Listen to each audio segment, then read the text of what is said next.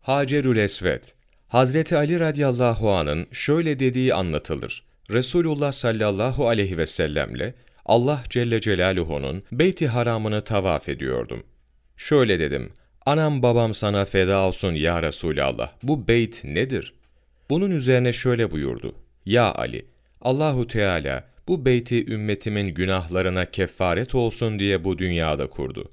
Tekrar sordum, anam babam sana feda olsun, bu Hacerül Esvet, kara taş nedir? Şöyle anlattı. Bu cennette bir cevherdi. Allahu Teala onu dünyaya indirdi. Güneş gibi aydınlığı ve şuası vardı. İnkarcıların elleri ona değdikçe karardı, rengi değişti. Ebu Hureyre radıyallahu an Ebu Said Hudri radıyallahu andan şöyle nakletti. Hilafetin başlangıcında Ömer bin Hattab radıyallahu an ile hacca gitmiştik.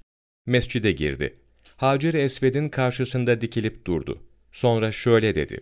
Sen bir taşsın. Ne zararın olur ne de faydan. Resulullah sallallahu aleyhi ve sellemin seni öptüğünü görmeseydim, seni öpmezdim. Bunu duyan Hazreti Ali radıyallahu an şöyle dedi. Böyle deme. Ya emir el müminin.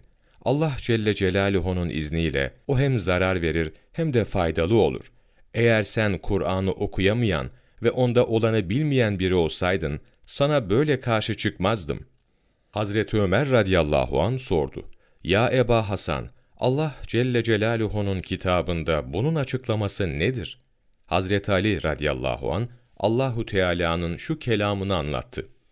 Rabbin Adem oğullarının sırtlarından zürriyetlerini çıkarıp kendilerini nefislerine şahit tutarak ben sizin Rabbiniz değil miyim buyurdu. Bunun üzerine onlar evet Rabbimizsin dediler. Araf suresi 172. ayet. İşte onlar Rabbe kulluk ikrarını böyle yaptılar. Allahu Teala onların bu ikrarını bir deri üzerine yazdı. Sonra bu Hacer-i Esved'i çağırdı. O kararı buna yutturdu. Bu haliyle o, Allah Celle Celaluhu'nun eminidir. Kıyamet günü sözlerini yerine getirenlerin lehine şehadet edecektir. Ebu Leys Semerkandi, Tembühül Gafilin, sayfa 572, 27 Temmuz Mevlana takvimi